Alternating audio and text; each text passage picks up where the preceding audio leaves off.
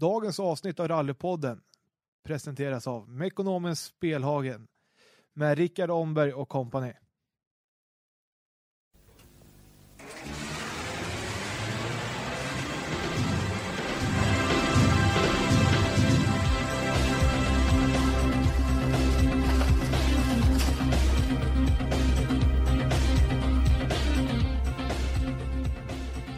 Hej och välkomna till Rallypodden. Vi är tillbaka. Daniel, hur är det med dig? Det är jättebra. Hur är det med Hampus? Det är strålande. Lite allergibesvär här i veckan, men det har gått över nu. Nu kommer ju pollen. Ja, det har varit fan överallt. Ja, men nu, är det ännu small det till det kände jag. Så det har väl varit sådär, men nu börjar man bli på benen igen. Och rally, det får vi ju inte titta på. Alltså, det är ju bara träningar. Ja. Men nu verkar det ju släppa lite på det. Ja, om man ska läsa det så är det ju samma restriktioner som förut. Det får ju inte resa mer än två timmar eller något så.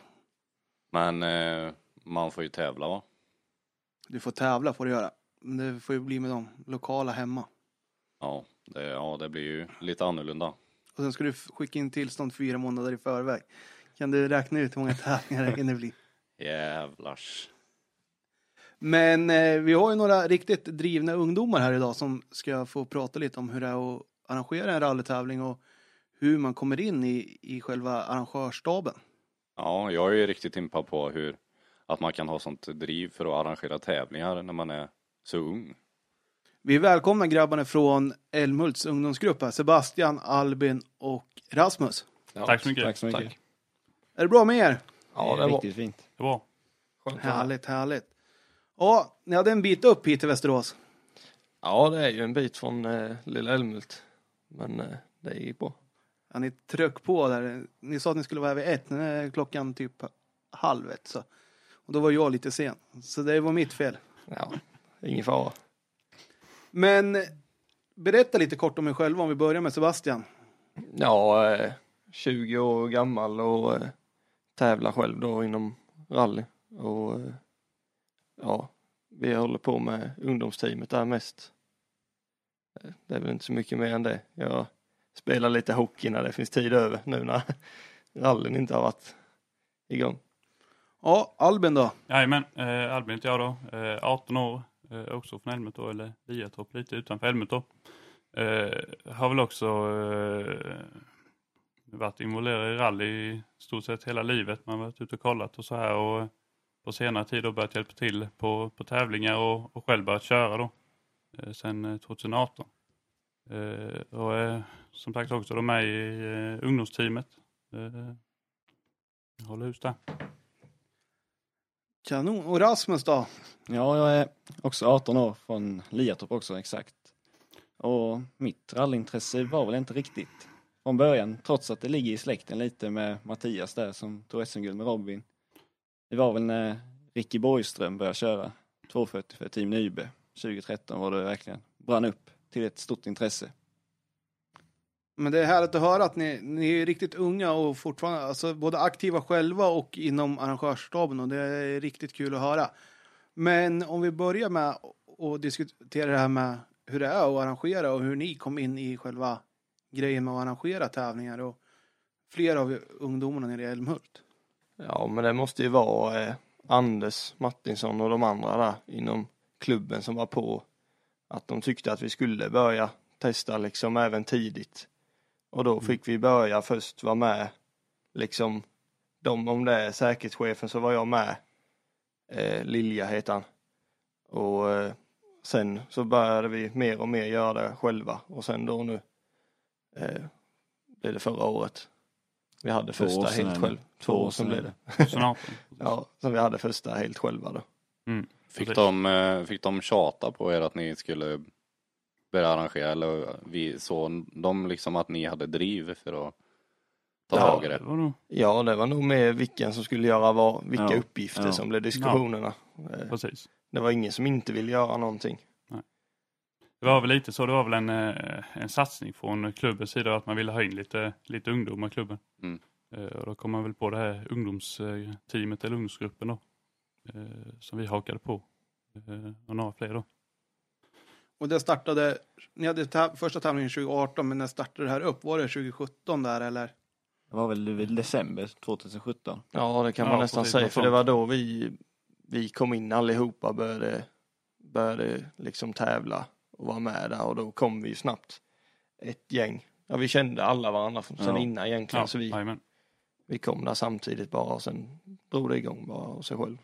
Nästan. Det är skönt att komma med lite polare in i, i gamet sådär, och- så man slipper komma själv tror jag. Ja, precis. Ja, så det var ju skönt att man kände alla och sen har vi lärt känna rätt mycket mer folk Mm. på grund av det också. För det behövs ju rätt mycket folk för att hålla en tävling. Ja, det är mer folk än man tror och där kommer vi komma in på lite senare här också. Men som sagt, 2017 här, vad var det som gjorde att Anders drog igång det här? Det är väl mest alltså, han, han kollar ju mycket framåt och alltså hållbarheten i längden. Och eh, både vår klubb och många andra klubbar så är det ju rätt så gamla människor som, eh, som håller i det och driver det. Och det behövs ju på något sätt få in yngre. Så då blev det väl då att vi började ändan på det allra lägsta det går liksom. Mm. Eh, för att börja där och sen få andra att börja då också. Ja, ju fler yngre man är som är med i det så, så snackar man ju med någon polare. Ja, men vi håller på med det här, häng med så är vi ännu fler. Det blir ju roligare ju fler man är också. Ja precis, vi har dragit in, vi har flera stycken eh, som jag aldrig har sett ute på rally liksom i min ålder som har varit funktionärer nu och hjälpt till liksom antingen i bara ett vägbyte eller liknande men de är ändå ute nu istället för att göra något annat. Ja, det är ju riktigt kul att höra att det frö, fröjdas så mycket yngre folk nere i, i södra Småland där. Och hur gick planerna där då? December 2017, då satte ni ihop gruppen. Då kanske det inte var lika mycket som ni är idag, men hur gick snacket då inför det som komma skall där 2018? Det var väl att bestämma vem som skulle ha vilken roll och den biten. Ja, vi började väl egentligen från, eh, från grunden då med att, med att arrangera en tävling. Eh, första tävlingen där hade vi väl eh, ganska mycket hjälp av de, eh, av de äldre där. Eh, vi gjorde mycket själva men de, eh, vad ska man säga, de höll koll på oss så att allt gick i rätt, rätt form och sådär. De styrde in er på banan om, Ja, det, om ja, ni höll på att åka av sig. Ja, Jag fick ju mycket på köpet med mig med att det var ute på Millebygden så var det mycket grejer vi slapp göra jämfört med en riktig tävling med parkering och hela den biten. ja precis. Ja men det är nog bra att börja smått så, Mm. så man inte får för mycket att göra med en gång tror jag.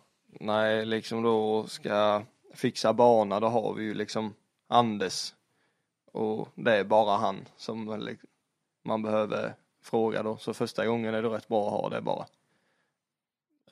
Sen löste du eh, de Ja. andra gångerna. Ja, och andra gången har jag fixat sträckorna. Men Milebygden, för de som inte vet vad det är, i, de flesta vet, men det finns säkert några som inte vet vad Milebygden är. Vad är det? Det är ju Anders Martinssons, eh, ja han har byggt en väg på hans eh, mark bakom hans hus kan man nästan säga.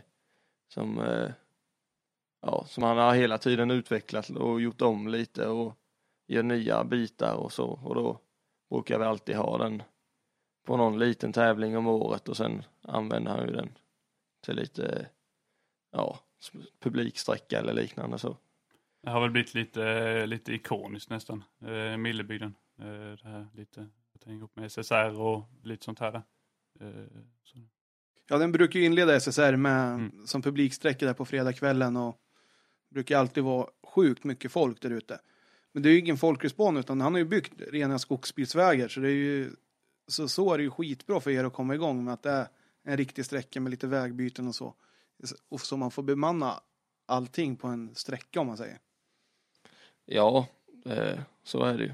Och, eh, det blir liksom då, när det drar folk, alltså när det drar så mycket folk med så får vi in rätt så mycket i alltså parkerings och lite sånt här som vi kan dra till vår ungdomsbit och bara med. Ja, precis. På, på våra, eh, som när vi hade vår eh, silversprinten där. Eh, så, så alla pengar som eh, överskottet då gick ju rakt in till vår ungdomsverksamhet då. Eh, till våra utbildningar och, och, och en resa då som vi gjorde och, och lite sånt där. Det är ju jättekul att höra att det finns så bra klubbar som hjälper er med, med det här och att allt det ni drar in går tillbaka till er själva. Men det är ju inte gratis att arrangera en rallytävling heller. Nej, nej, det, det går ju till nästa. Det mesta går ju till att ha nästa tävling liksom. Eh, men vi har ändå, vi har hållit det separat. Allt som det lilla man tjänar som man kan lägga på nästa, det har ju ändå varit till nästa av vår tävling. Så de andra tävlingarna som Älmhults klubb har arrangerat, det har ju separat för, från vår ekonomi eller vad man ska säga. Ja men det har huvudklubben tagit och ni har haft era till, till silversprinten om man säger. Ja, Ja, precis. precis. Våra egna tävlingar. Men hur gjorde ni då, då första gången här när ni skulle, ja ni pratade med Martinsson om att åka milbygden. Hur fortsatte arbetet sen? Ja, Eh. ja tar du. Ja, precis. Nej, men det var väl det här och, eh, och dela ut arbetsuppgifter då. Eh, som sagt, Sebastian hade hand om säkerheten. Eh, jag var som tävlingsledare och Rasmus var som banchef då.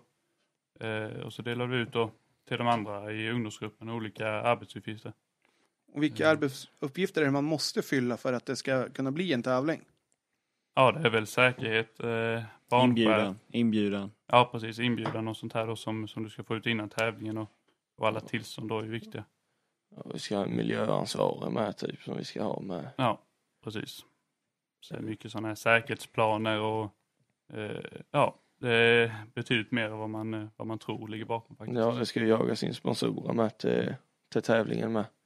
Och lite så här. Så det, det delade vi upp lite, man skulle säga ringa fem företag eller så per person eller liknande. Där gjorde Maja ett väldigt stort jobb med, Mm. med sponsorbiten. Mm. var- Det är ju egentligen ett, eh, ett måste för att kunna arrangera en rallytävling idag så är det ju sponsorer eller reklam i, i programmet då. Det är oftast där Mm. överskottet kommer ifrån. är ju där man lyckas sälja in. Alltså, Mm. Tävlingen i sig går ju oftast plus minus noll eller Ja, runt där. precis. Och, och där man lyckas sälja in, det är det som blir intäkterna till Mm. själva. Bara för att man ska kunna hålla ner kostnaden för, för de tävlande också. Ja, Ja, precis. precis. Det är ju som sagt typ programförsäljning och eh, ja, eh, eh, korvförsäljning och fika och sånt här. eh, Det är ju sånt man går plus på. Det är det. Men om vi tar då Albin, du som var med i tävlingsledningen där först. Hade du någon, var du biträdande tävlingsledare eller var du tävlingsledare? Eh, just för att jag inte var 18 då så var jag tvungen att stå som, eh, som biträdande tävlingsledare. Men jag kan väl säga att det var jag som gjorde det mesta arbetet då. Så indirekt så var jag väl som, som en tävlingsledare men fick stå som biträdande tävlingsledare. Eh, men då samtidigt med mycket hjälp då av eh, Kent då som stod som, eh, som riktig tävlingsledare. Eh, så hade han i ryggen då. Eh, så allt gick rätt till. Yes. Och Rasmus, du som barnchef då, vad, vad var ditt uppdrag här då första gången? Ja, först var det ju att skriva roadbook och hela den biten och prata lite med Anders om lite tankar hur vi ska köra sträckan och hela den biten. Och vem hjälpte dig då så du fick vara med på det här? Alltså det är, det jättesvårt Det är att skriva ju- en roadbook själv Ja, från ja. början. Det är ju Fredrik Johansson heter han, kallas för Fritte. Nere i Småland där. Lite känd snubbe så att säga. Alla vet vem han är. Men det gick bra alltså, ni, Ja, vi kom överens om det mesta tyckte jag. Och ville ju testa lite nytt och sånt så han tyckte ja, kan vi testa. Så jag fick ju min vilja igenom så att säga. Fick man ju. Men det är alltid kul, alltså det är ju skönt att de lyssnar och inte kör över en. Det För, för i början så där kan det vara svårt att släppa in ungdomar har jag upplevt när jag kom in som rätt ung också och skulle börja arrangera att nej det här har vi gjort i 20 år så nu gör vi så här igen. Ja, Det men- gäller att, och då är det skönt att ha ett kompisgäng som backar en. Ja, precis. Det Ja, blir, man- blir gärna lite bekvämlighet. ja man får ju stå som gjort innan. Ja, man får stå på sig lite. Mm. Eh, För oftast är det ju så, nej men vi ska göra på det här sättet funkar, det ska vi göra. Det är inte så att vårt sätt kanske kan funka bättre, men det vet man ju inte förrän man har testat. Och det är väl nu man ska testa, Ja, när vi ändå precis. har det. Ja, och sådana möjligheter som ni har är ju få förunnat att ha men som vi har sagt en riktig väg att kunna arrangera på. Ja. Och hur gick ditt, dina tankar då för att vara med i säkerhetsgruppen där? Eh, Ja, det är ju det är ju Roland Lilja som brukar göra det i, i vår klubb. Så eh, ja, eh, vi började bara köra först och han lät mig göra precis som jag ville i stort sett. Och sen gick vi igenom efter vad han tyckte jag, alltså vad han hade gjort istället och sen körde vi igen. Och då kanske vi ändrade lite här och var där jag kände att jag hade fel och, och sen är det ju då ta lite bilder på de här farliga zonerna och ge till Rasmus som ska in i, i roadbooken. Eh, ja. Ja, men det är ju superkul att höra hur det gick till första året ni gjorde det och sen ska vi se hur det har utvecklats när vi kommer lite längre fram här. Så, men när vi tar oss närmare tävlingen här, ja, då var det bara tre månader innan ni skulle skicka in tillstånd, eller hur? Yes, då var det det, 2018. mm. Ja, precis. Så det är ju en skillnad att man måste vara ute i god, mer god tid nu än Mm. mot då, säg. och det är ju bara två år sedan. ja, det blir ju lite svårare nu speciellt när de kan skicka in och överklaga liksom två veckor innan vi ska hålla men ändå måste vi ju skicka in flera månader i förväg. Så det, det blir ju det blir ju svårare för klubbar att arrangera när det ska vara så. Så är det. Och nu har, nu har ju Länsstyrelsen i alla fall uppe hos oss varit jäkligt schysst mot oss att vi kan komma in lite senare med papperna nu under coronatider. När man var tvungen att flytta tävlingar och så. att det, det är speciella undantag. Men annars är det ju stenhårt på fyra månader. Om du kommer in tre månader och 30 dagar innan så är det ju kört. Mm. Ja, precis. Nej, men det är väl eh, lite likadant upp hos oss då att eh, eh, de har väl släppt lite grann på de här eh, på de här reglerna nu då eh, i och med det här. Eh, men sen är det liksom som sagt också att vi, har, vi har bra kontakter med dem på Länsstyrelsen där. I och med att vi, vi skickar in papperna men sen går det ju och det går att göra förändringar en bra tid fram till tävlingen eh, och sånt och så vidare då. Var ni med om några liksom överklaganden eller motstridiga saker Eh. under, under tiden liksom innan det blev tävling? Ja, den första tävlingen där var vi nog, för, nog ganska förskonade eh, för sånt där. Eh, Men det har ju hänt på eh, andra tävlingar, kanske inte de som vi har eh, arrangerat precis, men andra tävlingar i Elmus MK har det ju hänt. eh, Att folk skickar in överklagelser och, och liknande. Det är skönt att du flyter på, alltså som för er när det är första tävlingen. att det- Då ska det gå lite smärtfritt, man ska ha lite tur med sig och, Och flyt. och flyt. Och inte för mycket käppar i hjulen liksom. Annars kan det nog bli, lätt bli att man, är fan. Kan jag tänka mig i alla fall. Om jag hade suttit i samma sits och fick för mycket ja, emot sig så hade det nog varit svårt att ha samma driv fortfarande tror jag. Då kommer vi till att skriva en inbjudan. Hur var det? Alltså man, ni, har ju säkert, ni har ju läst inbjudan, men hur var det att skriva en själva? Eller fick ni mycket hjälp där också ifrån de äldre? Vi Ja. fick väl börja helt från scratch där också, men vi skickade väl in inbjudan till Kent och så fick han tycka vad, vad han tyckte om det. Sen fick vi ändra lite smått och lite sånt med så. Ja, precis. Man har väl, eh, man har väl lite en, en mall att gå efter. Och bara hur, hur en inbjudan ska vara strukturerad, hur den ska se ut. Eh, ja, och då gjorde vi väl, eh, mycket är ju eh, samma ungefär på alla tävlingar eh, som står i inbjudan då. Eh, men eh, mycket är ju unikt för, för just våra tävlingar då. Eh, och sen ska väl den skickas in för godkännande och så här. Eh, Vi skickade ju som sagt för godkännande till tävlingsledaren i Älmhults MK då först. Han skulle kolla igenom och sen skickar man den vidare till ett annat godkännande lite högre upp och så får man tillbaka den då. Kan publicera den. Och där ska det ju stå, vad var det lättaste med inbjudan att skriva? Och vad var det svåraste? Ja, det är väl eh, lite, lite blandat. Eh, I och med att man har en mall så är det inte sådär jättekomplicerat eh, att skriva en inbjudan. Eh, det svåra kan väl vara eh,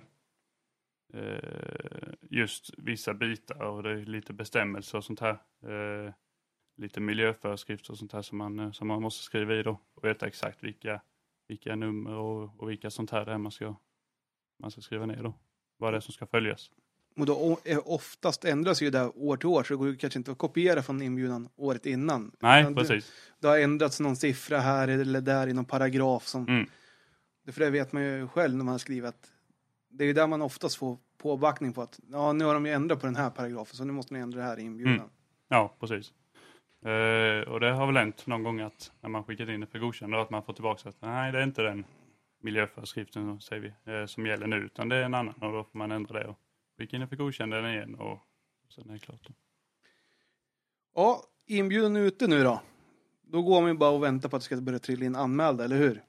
Ja, precis. Och vad hade ni sagt för, alltså, för att ni skulle kunna köra tävlingen? Vad var gränsen? Minst var 30 och max var 60 i och med att det var så sent på året i 8 december så hade nog inte Millebyn pallat just mer bilar just då. Nej, det blir ju mjukare och mjukare. Ju, ju närmare vintern vi kommer så blir ju vägarna mer sårbara, så är det ju. Ja, hur trillar det på med anmälningar här då? Ja, det var väl lite som på många andra tävlingar så var det väl eh, eh, lite segt i början men det är väl, är väl mot, mot slutet och mot sista anmälningsdatum som det börjar trilla in mer och mer och vi fick väl faktiskt över förväntan eh, många tävlande. 65. Precis. Och då får man alltid räkna med att det avanmäler sig 10 procent. Ja, något sånt något sånt. Och då var ni nere på de där 60. Så Ja. släppte ni på alla då som hade anmält sig? När ni... Ja. Så. Ja, jajamän. För, och sen då, när vi kommer närmare eh, tävlingen här, hur, då hade ni delat upp alla uppgifter. Var det så att man fick tjata på vissa och vissa gjorde mer än de skulle? Eh, nej, men det gick väl ganska, eh, ganska smärtfritt tycker jag. Eh, det flöt väl på som det skulle, det mesta. Eh, så det gjorde. Som sagt så hade vi mycket hjälp från, eh, från veteranerna i klubben då. Eh, så att de höll koll på oss. Så, eh, nej, men det gick bra. Det svåraste jag tyckte under tävlingsdagen var väl ändå radiorna fram och tillbaka mellan starten och sen då till mig och sen upp till, till dig Albin som satt i på Ja, och eh, folk som undrar massa grejer som man inte har svar på man behöver springa fram och tillbaka. Och det här är ju rätt smidigt där med för det är ju liksom 200 meter mellan mål och start. Så det är ju inte jättekrångligt att springa däremellan om det skulle vara så. Men eh, ja det var väl det som var det. Annars så gick det jättebra Hur gick det för dig med banan Rasmus? Alltså, med Jo, och, alltså ja, det gick ju bra, fick ju pila och hela den biten och det var väl lite där jag tyckte väl att som, alltså helt första så jag visste jag inte hur långt innan man skulle ha förvarningspilarna och så att jag tyckte han flyttade, jag tyckte tatte dem lite för tidigt så att säga så vi fick ju flytta på dem lite längre för närmare svängen och lite sånt. vad hade ni för mått mellan förvarning och, och verkställande? Kommer du ihåg det? Nej, kan nej, det minns jag inte. Det Nej, för det, är- ibland ser man vissa, de har jättekort, alltså det är väldigt olika bland arrangörer. Och jag har för mig att det står typ att det ska vara 150 meter innan Ja, verkställande. precis. Ja precis och det, är, det är ju det, det kan vara lite svårt speciellt då när man körde ungdom och inte har liksom några, några noter alls då och då gick man ju lite på de där pilarna när man inte såg svängen och då när det helt plötsligt så skilde det 30 meter fast det inte ska göra det egentligen så det kan bli lite halvfarligt. Och jag tror många där alltså trippar är ju som trippar är. Alltså om du kör med en vanlig standardtripp, alltså 150 meter, ja det är någonstans emellan. För det finns ju inte i en vanlig bil, finns det, du måste ju ha en tävlingstripp om du ska få Japp. de här 50 meterna. Ja, Mm. Stämmer, annars så höftar man lite, ah, här blir nog bra, och sen slår man ner den där Ja, förvarningen. Ja, Så det var en utmaning tyckte du också? Ja, det tyckte jag faktiskt. Speciellt med alla har gjort något sånt innan heller. För liksom kanske tre år innan tävlingen visste jag inte ens vad betyder tvåan. Till exempel. Men vad betyder den då för de som Ja, är kanske är, ju- nya och, och lyssnar på det är här? ju, I den här roadbooken så är det liksom våning två så att säga. Det är liksom ett, det är kanske start. Två, vägbyte höger. Så vet man att nu är vi här. På sträckan så att säga. så då på förvarningspilen sitter det ju siffran så man vet vad det är som kommer. Ja.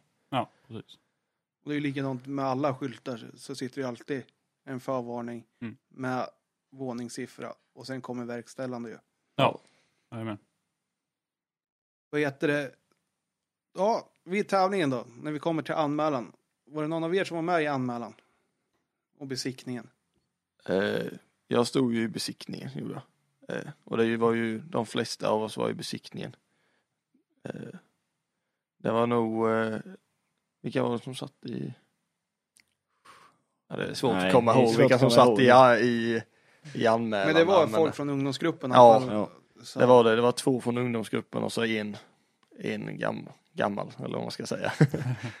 Veteran. En veteran, ja det låter bättre än gammal. så, men vad heter det? och det flöt på allting fram till start där på, på lördag morgonen. Ja, det gjorde det. Jag tyckte tycker ja, allt den dagen gick över förväntan tycker jag. Det flöt på jättebra. Hur nervösa var ni? Ja, det var man väl lite. Ja, det Ja. måste jag ändå säga. Man, man vet ju aldrig om det är något som ska, kanske något man har bommat helt. Det vet man ju inte. Men, eh, nej men som sagt det flöt på väldigt bra. Det var nästan så att det var en blinkning så var tävlingen klar. Och det är ju så skönt när, när sista bil går i mål och allt har flyttat på. Alltså Mm. vilken känsla det är. Alltså det är ju så skön känsla i kroppen. Ja, riktigt skönt faktiskt. Speciellt första gången måste det ha varit för er tre också att fan vi lyckades med det här. Ja, absolut. Och, och vi fick ju eh, väldigt mycket beröm och så vidare efter tävlingen där. Eh, man har ju sen eh, direkt efter tävlingen så har du ett, ett domarmöte. Där domarna lägger fram sina, eh, sitt resultat av tävlingen då. De graderar ju de olika delarna i tävlingen. Eh, och där fick vi faktiskt eh, över förväntan bra resultat på tävlingen. Det är ju riktigt kul och det ger ju en morot till att fortsätta de här andra åren också. Och snacka gott om det ute på bygden också och till andra som kanske inte är med i Älmhult men som är med i andra klubbar runt omkring. För Mm. klubbarna duggar ju tätt nere i Småland vet vi ju alla om. Så. Mm. Ja, vi har fått in rätt många nya i år. Mm. Inte jättemånga till ungdomsteamet men eh, folk överlag har ju sett vad vi håller på med liksom och, och kommer då. Jag vet inte om det är 12 nya aktiva, alltså förare eller kartläsare. Ja, det- är ju riktigt grymt och det, det är ju cred till Älmhult att de gör den här satsningen också. Alltså, sånt ska premieras med att man kanske får fler aktiva förare mot sådana klubbar som kanske inte är så drivna och inte arrangerar så mycket. Att jag tycker man ska vara med i en klubb som i alla, alla fall arrangerar en rallytävling minst, minst om året. Mm. För att få se den här delen av att vara med och arrangera. Är, man uppskattar det mycket mer när man kör tror jag. Ja, precis. Ja, man, eh, man har ju fått upp ögonen mer för vad som krävs. Man uppskattar det mer nu när man kör än vad man gjorde innan. Där tänker man att det är liksom, det är väl inte så jobbigt, men det, det, det är rätt så. Nej, Mycket precis. Man, man tänkte inte alls på hur mycket arbete det egentligen då ligger bakom en tävling så. Eh, tidigare då. Men det har man ju fått en insyn i nu. Har ni varit med på de andra tävlingarna som Älmhult arrangerar också och hjälpt till som SSR och Silverkongen och de här? Alltså, vägvakt har man ju alltid i stort sett hjälpt till med. Det är ju SSR har ju haft hand om serviceplatsen i två år.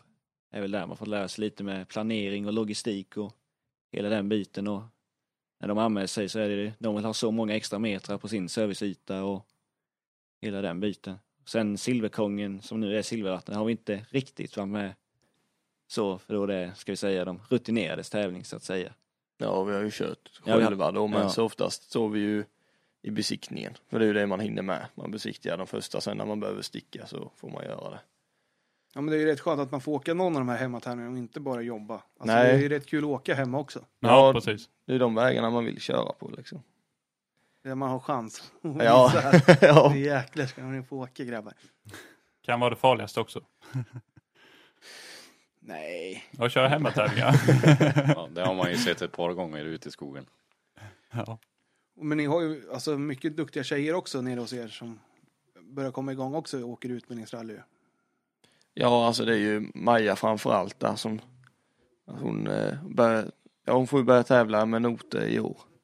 Och det kommer ju nog gå riktigt bra tror jag. Ja, det ska bli intressant att följa. Och likadant, alltså det är alltid kul att se att det kommer både yngre tjejer och killar som kommer in i sporten och att man hjälps åt där också. Och då tror jag att det är bra med så här ungdomsgrupper oavsett vart det är i landet. Ja, det hade jag känt om jag hade börjat som nu. Man kanske känt sig lite mer välkommen på något sätt. Att det inte bara är rutinerade som hela den biten. Nej, det var ju lite så innan vi började så fanns det ju ingen ungdom egentligen i liksom Älmhult man vill inte man vill inte gå dit för man, då var man lite ensam liksom. Och sen när vi kom och drog igång detta liksom då mycket enklare att komma in andra och eh, liksom komma igång. Vi är väl det är tre stycken Nova som ska börja åka. Ja. Som inte man har tänkt har varit så jätteintresserade innan. Mm. Eh, Precis. som då Det är alltid kul när man ser att det kommer nya som kanske inte haft intresse till att åka själv från början, men som har fått ett intresse utöver det här med att ha varit med med er som har gjort jobb och visat att det går att tävla och arrangera också. Mm. Ja, det är ju som eh, till exempel då Hugo. Han har alltid varit intresserad men han har inte varit sådär så jag bara men köp grejer nu så åker du med mig så, så kör vi liksom. Och eh, det gjorde han ju och det gick ju bra. Så nu ska jag försöka köra vidare på det. Riktigt kul. Men om vi fortsätter då. Nu, nu hade ni arrangerat er första tävling. Hur, hur gick era planer eller tankar efter det? Ja, Ja, det var ju nästa tävling direkt i stort sett. Ja, vi började nästan på den eh, direkt efter det ju. Men det var en vecka efter vi skulle ha Ja. det här för att gå över hur det hade gått i tävlingen och Mm. det var väl de första 20 minuterna kanske och sen var det nästa tävling som började pratas om. Hur gick planerna då i era huvuden? Nej, det var väl som sagt då att då ville vi ha en lite, eh, Större utmaning. ja, precis. Där, ja. Vi ville ha ett riktigt rally så att säga med riktiga specialsträckor ute i skogen och riktig, inte riktig start och målplats, men start och målplats någon annanstans. Och hela den biten. Vi valde också att eh, flytta ut tävlingen. Tävlingen har alltid kretsat lite kring Älmhult. Vi då istället att flytta ut tävlingen till, eh, till Liatorp då, som ligger en bit utanför Älmhult. Era hemmatrakter alltså? Ja, precis. Jag har det lite som eh, tävlingscentrum där. Ja, men det är alltid skönt att vara nära hemma. Alltså man, Ja. känner, man känner sig lite tryggare då. Men finns det bra lokaler här då? För det måste man ju titta på först. Ja, absolut. Tycker jag. Eh, Det är ju lite ont om, om man ska ha en större tävling och måste ha avbesiktning och så här så är det ju lite sämre möjlighet till det i Liatorp. Den brukar vi ju ha eh, på eh, APDX-service i Älmhult. Där det finns tillgång till lyfta om man skulle behöva men, och så här. Men eh, i Liatorp så får man ju köra lite flyg, alltså under ett tält, tält som vi fick sätta ut bara. Ja, men kör en vanlig B-besiktning Ja. helt enkelt. Mm. Alltså. Ja, precis. Och nu, men nu blir det ju lite svårare nu när det ska vara A-besiktningar på alla tävlingar om du inte söker en dispens då. Mm. Jag tror vi hade ju, vi hade ju sökt dispens för den tävlingen skulle haft eh, nu i maj då. Eh, där sö- sökte vi dispens och lyckades få då att vi fick godkänt för en B-besiktning. Eh, det var bra. Men det är ju bra att veta att man kan få de här dispenserna också, att det kanske inte är supersvårt att få den heller. Jag vet inte hur mycket jobb ni la ner på att söka dispensen. Ja, det var faktiskt inte så där jättefarligt. Eh, det var några, mejl fram och tillbaks. Eh, så det är klart det. Men det är ju skönt, alltså det, för det finns ju mycket sprinter och sånt som kanske inte har möjligheten Mm. till att köra en A-besiktning varje gång som det är. Och bilen klarar ju faktiskt åtta Mm. månader utan att ha en A-besiktning.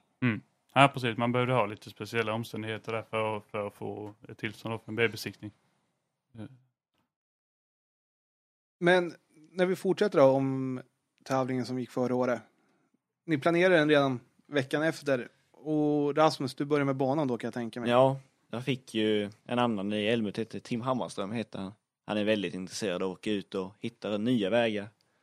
Så bara började vi prata lite om hur vi ska, hur, om han, pratade med han, han hade några tips på sträckor man kunde ha runt omkring Liatorp. Så hittade vi ju fyra rel, relativt fina sträckor där det var någon bit som var lite dålig men det gick att köra på den i i och med att det bara var 60 bilar. Och, eh, och sen gjorde vi ved den vägen efteråt så de som bodde på den dåliga vägen blev ju supernöjda så att säga. Det är mycket enklare att kunna komma tillbaka då också. När, när, när markägarna är nöjda så brukar det vara ett positivt tecken att man får komma tillbaka. Ja, det är lite det vi har börjat jobba på att liksom köra på de här lite, på våra lite mindre tävlingar, köra på de här lite sämre vägarna där det inte liksom kanske SSR eller Silverkongen kan gå med sina 180-200 bilar. Där vi då gör vi vägarna efteråt så blir ju som sagt markägarna blir väldigt nöjda med det. Och det är ju kul med nya vägar. Det tycker vi alla i rally-Sverige tror jag. Att inte behöva åka samma sträckor år ut och år in tror jag. För jag känner så hemma i alla fall att man ska alltid försöka få någon ny sträcka med eller man byter håll på någon som aldrig har gått. Ja, vi har ju försökt plocka så många nya som möjligt eller någon som inte har gått på väldigt länge och försöka köra dem igen. Det kan ju vara Eh, ja, det var ju till exempel det med att veteranerna säger att nej, där får vi inte köra, men då testar vi ändå och frågar dem igen. För det kan ju vara så att de, de har sagt nej 20 år och sen har det slutat fråga kanske. Och då kommer vi nu igen och frågar och då kanske de har ändrat på sig eller det är andra som bor där. Det kan ju oftast räcka med att det är en person som har flyttat, till- bytt hus eller flyttat eller man har bytt ordförande i en vägsamfällighet så kan det vara helt andra tongångar. Ja, Oftast är det så. Ja, det är ju det lite problemet Älmhult har haft innan med. Som den tävlingen i fjol, Silverratten, skulle ha körts innan SSR. Som blev inställd. Det var ju något, någon som hade, ja, Ja, det var en som inte ville de skulle köra förbi hennes hus. Ja, det var någon, Eh. först skulle den ha gått på sträckan. Alltså, var ja, ju först, först var det ju sträcka, sen skulle vi gå i mål innan och starta om efter. Men sen blev det ju överklagan på det med för, eh, ja jag vet inte varför de inte ens fick köra transport förbi. Eh, Jag var inte så jätteinsatt just i det, men vi fick inte köra det i alla fall. Och det, det är där man ser att det är så viktigt att ha kontakt med alla ut med, ut med vägen också, även fast man kanske får ett godkännande. Att man sköter en dialog. Och, och ibland kan det bli att nej, det blir tvärstopp. Att det bor någon som absolut inte tycker om rally. Och fine, det är ju något vi måste acceptera. Vi får inte ta för dumma strider heller.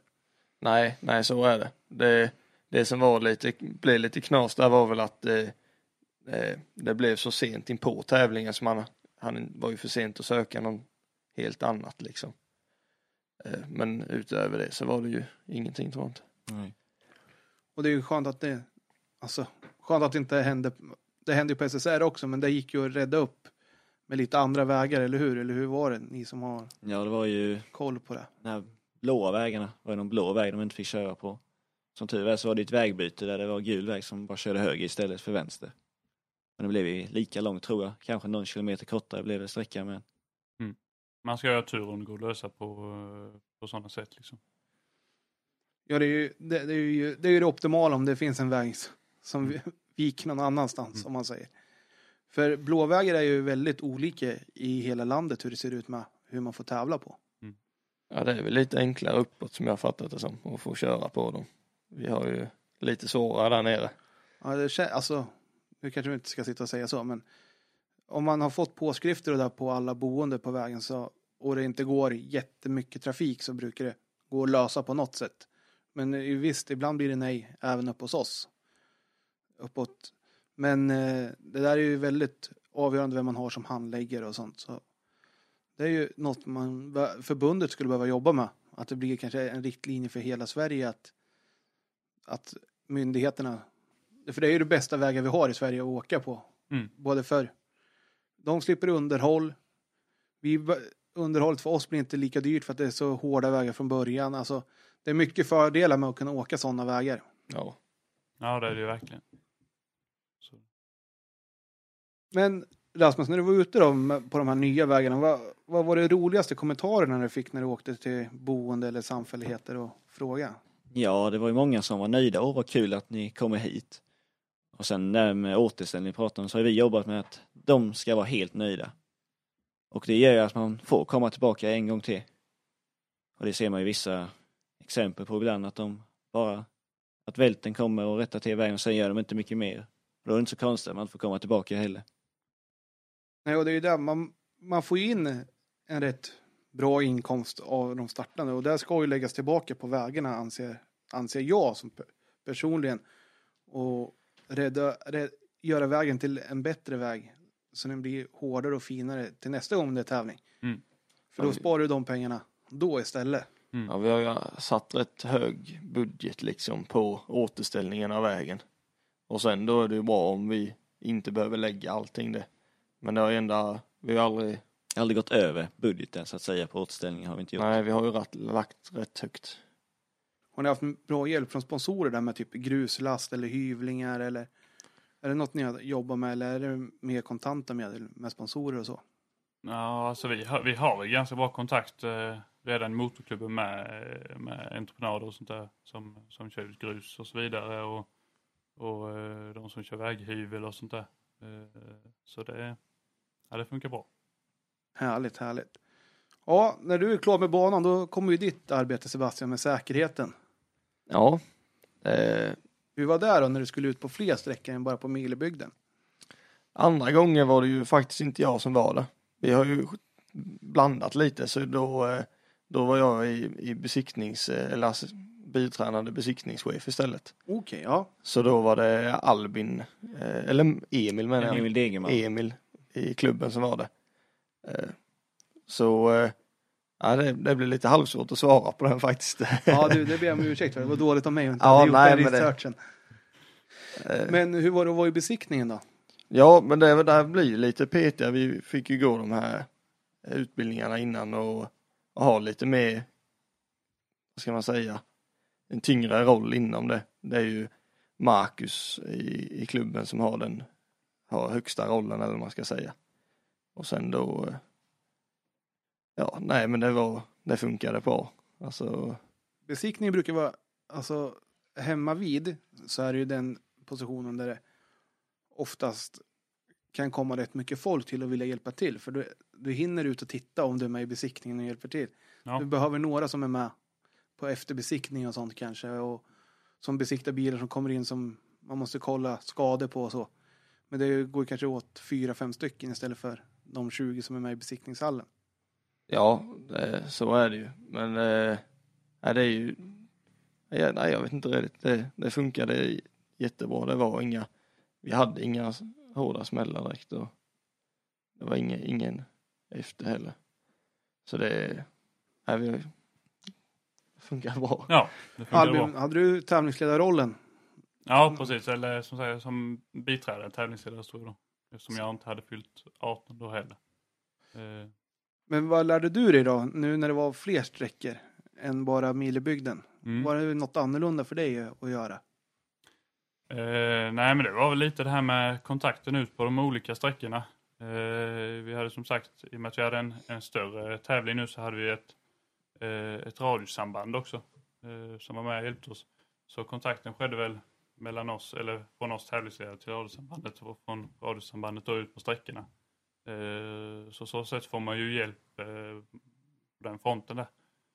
Eh, annars så, så var det så att eh, Ja, i och med att det var andra tävlingen så kände jag mig lite mer säker och tog eh, mycket större ansvar själv. Eh, än vad jag kanske gjort på den tidigare, den tidigare tävlingen där. Och fick göra mycket mer själv än vad jag, än vad jag fick göra tidigare. Och vi går in på det här med en ansökan till Länsstyrelsen då. När det, nu när det blir transportsträckor och flera sträckor. Var du mycket inblandad i den också? Skrivandet där. Ja, eh, det var väl jag och eh, Rasmus hjälpte till också där. Eh, det var väl egentligen vi själva som, som fixade tillståndet inför denna tävlingen då. Och då är det ju det ska ritas fullständiga kartor och kartorna precis, just de fick vi väl hjälp med. Men nej, men det fixade vi själva och vi visste ju lite grann hur, hur vi skulle gå tillväga då innan vi skickade in tillståndet.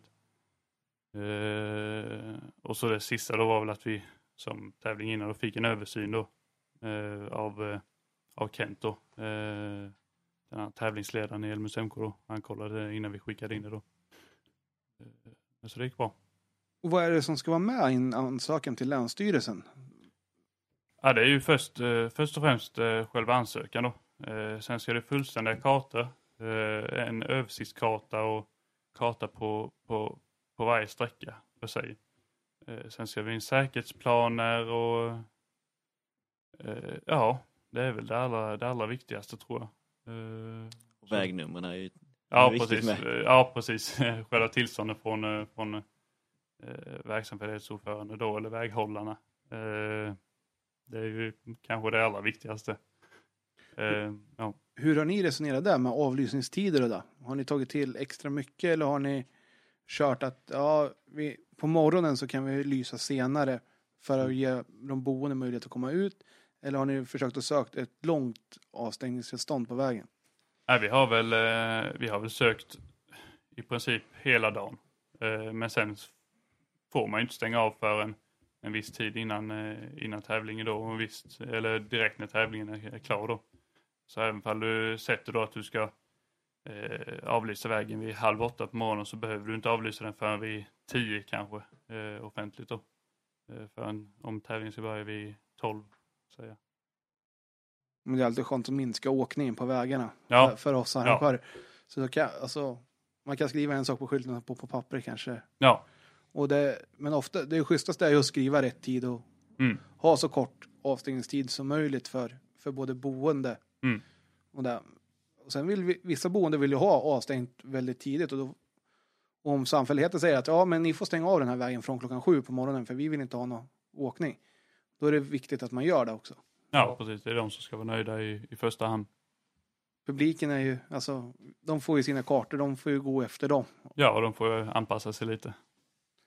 Så det, jag tycker det sköts väldigt bra. Oftast att det, i alla fall av de som är rallypublik, att de sköter sig. Sen att det kommer ungdomens i trakten att de ska leka Colin McRae när, när det väl har varit rally eller precis innan. Det, det är sånt som kan förstöra väldigt mycket som vi har märkt hemma. Jo, precis. Det är väl samma sak lite hos oss där.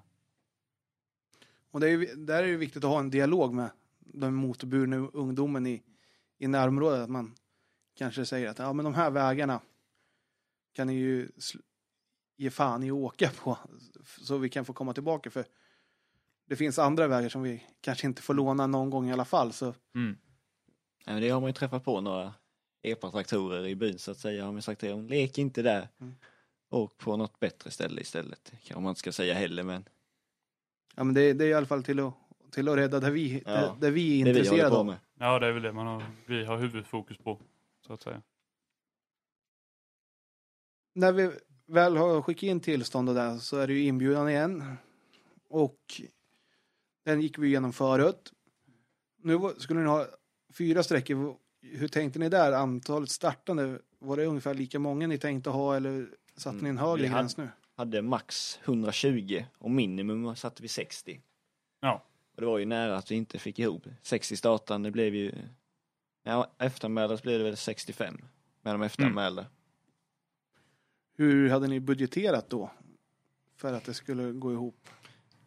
Jag hade väl budgeterat för 80 startande eller något sånt va? Ja, precis. Vi hade väl något sånt. Eh, sen hade vi väl lite säkerhetsmarginal också. Ja, för Eh. vi, vi gick ju fortfarande precis, eh, vi gick ju fortfarande plus. Ja, nätt och jämnt. Men vi gick, i- slapp gå minus i alla fall på det. Ja, det är ju det, är det viktiga att man aldrig visar ett minusresultat för styrelsen. Att, nej. att det Precis. går att dra runt även fast budgeten kanske inte Mm. hölls till fullo. Mm. Det var väl lite, kan vi säga att det var väl lite sponsorerna som räddade lite där. Att vi fick in en del sponsorer i, i slutet där som, som kunde vara med och hjälpa till. Eh, så, det, så det räddade väl lite där. Det är ju skönt att man har sådana företag som kan komma in och backa upp en. För det vet jag också när vi hade våran första med våran ungdomsgäng i Nyköping. Det var likadant att anmälningarna kom inte som vi hade hoppats på. Och vi fick jobba in x antal tusen sista veckan för att det skulle kunna ge, ge ett plusresultat. Men det blev ett plusresultat och då får man den här moroten att fortsätta också. Bra tävling och ett ekonomiskt överskott till, till föreningen. Precis. Det är alltid det man ska sträva efter. Men om vi går över här till era utbildningar ni har fått då. Om vi börjar med Rasmus, har du fått gått några utbildningar för att vidareutveckla dig? Ja, lite har man fått med på de här SSR, eller utbildningar, lite med de här SSR-mötena där de pratar bara. Här har bara fått vara med och lyssna och ta del av det.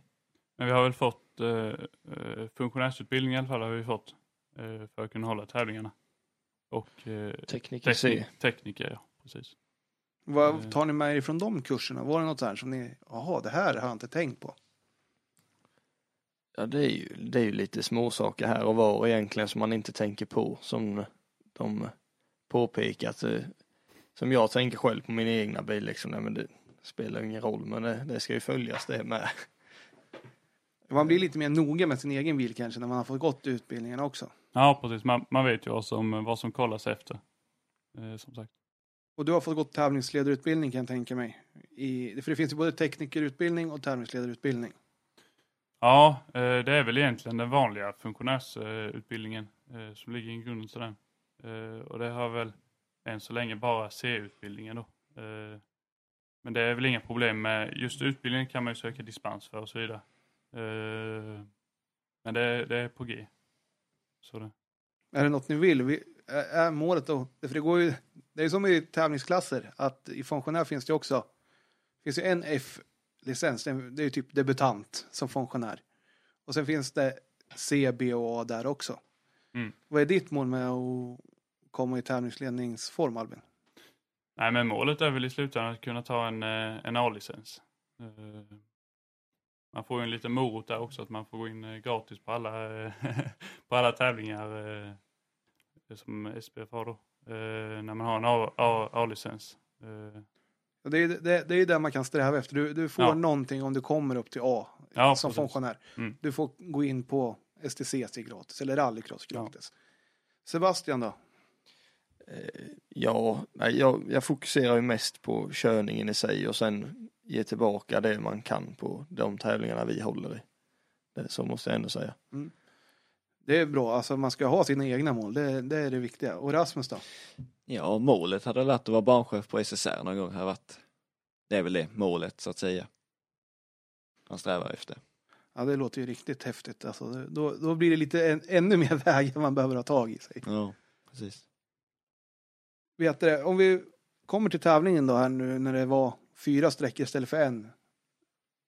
Hur gick tankarna veckan innan det? jag tänker det behövs ju mer jobb ute i skogen. Ja, det är oerhört mycket mer planering och förberedelse innan tävlingen. Eh, Så det. Med plastning och hela den biten hade vi aldrig haft något innan. Så Nej, vi precis. hade ju den här plastningsgruppen som fick sköta det. Så Ja. körde jag sträckan dagen innan så tänkte jag, jag och Fritte där vi tyckte att där kanske ska ha plast och så att det inte kommer ut onödigt grus i trädgårdarna.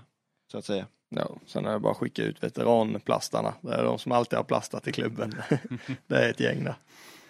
De vet Ja, hur, hur det ska vara.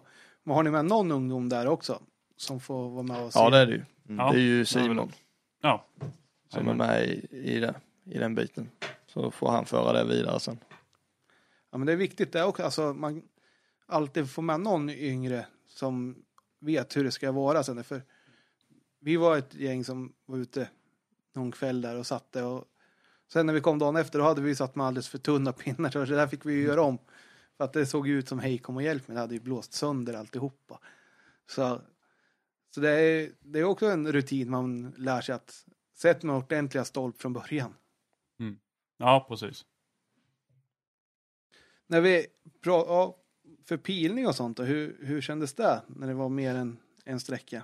Ja, det var ju, just sträckorna tycker jag inte var det jobbiga utan det var ju på transporten när man var, när vi körde på lite, lite större vägar och sätta pilar på vägen och sånt. Det var lite sånt som var lite krabbigt och när man skulle göra roadbooken, ta foto på allting och hela den biten och, och samma sak där, måtten var ju också väldigt svårt att få till man bara hade den här vanliga trippen i bilen.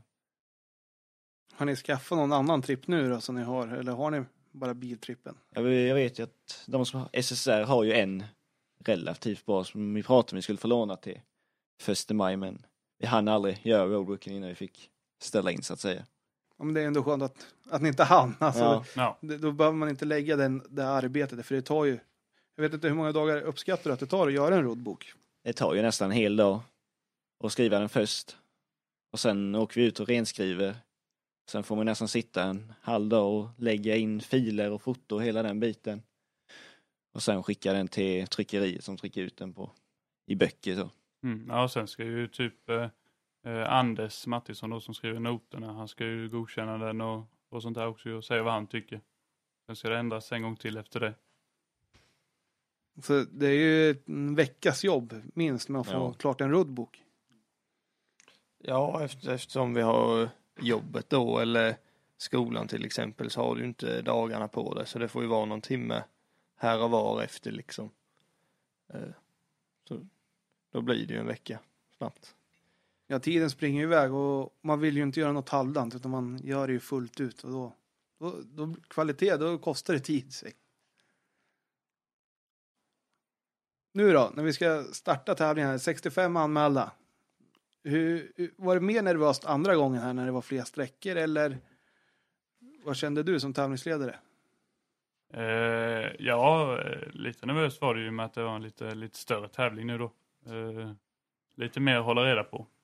Eh, men samtidigt så hade vi ju mer folk som hjälpte till och, och fler eh, som sagt eh, radiosamband och vi hade ju hjälp av då eh, motorsportsidan som vi också tog hjälp av och, och de skötte ju hela den biten med tider och, och sånt där så ja, lite både och. Rasmus då, med banan. Ja, det jag var mest nervös över var väl att någon pil hade blåst sönder på transporten eller någonting. Det var väl det. Man var rädd att folk skulle köra fel och skulle få. Sen skulle man få lite skit för det så att säga. Du klarar dig. Ja, jag klarade mig. Det, det blev perfekt. Ja, härligt. Och du åker ju banan innan som banchef. Ja. Hur lång tid innan åkte ni? Kommer du ihåg det?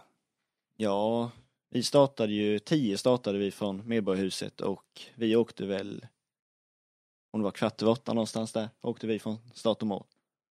Då har man ändå lite tid och om det skulle vara så att det har försvunnit någonting på vägen. här. Ja, och så hade vi ju extra pilar och sånt i bilen ifall det, något skulle ha blåst ner och hela det, hela det kittet. Alltid bra att ha med sig Ja, när man Ja. åker igenom sådär. Och kunna rätta till det där. Finjustera det sista också. Därför, det är kanske, det, många kanske undrar när man står i skogen som inte är jätteinbitna varför det kommer så mycket bilar innan själva tävlingsbilarna som är privatbilar. Mm. Det kan ni också berätta. Vad- är det för bilar som åker? ja först är det ju oftast banchefen som åker först. Sen är det ju domare. Och sen åker även säkerhetschefen igenom också. Och kollar så, det är väl den sista innan föråkarna som kollar, där står någon fel och Det kan vara lite, lite de som sätter eh, klockor och sånt här också. De kör också igenom någon gång. Eh, innan har det väl varit polisen också men det är det väl inte nu längre. Det är inget krav.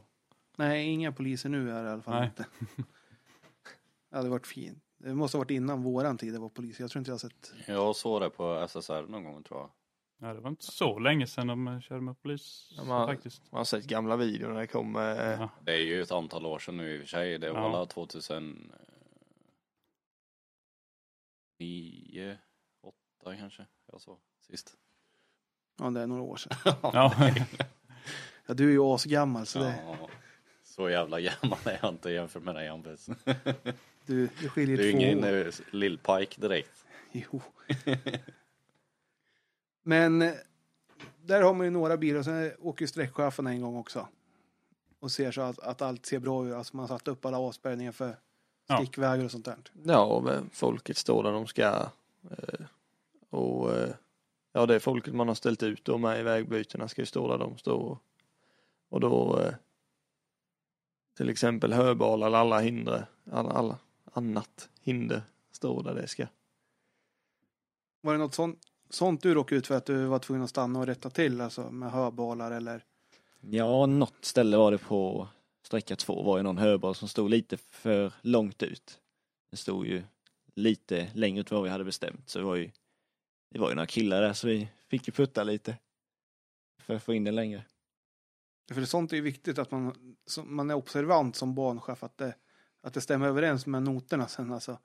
För det kan bli jättefel om, om en hörboll står en halv meter längre ut är det en helt annan sväng än vad Mm. det var, ska vara i noterna.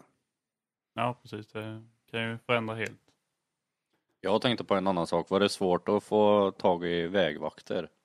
Det ser man ju när eller, vissa klubbar försöker få så att det räcker med vägvakter. De har ju sett att de, de har problem att få det ibland.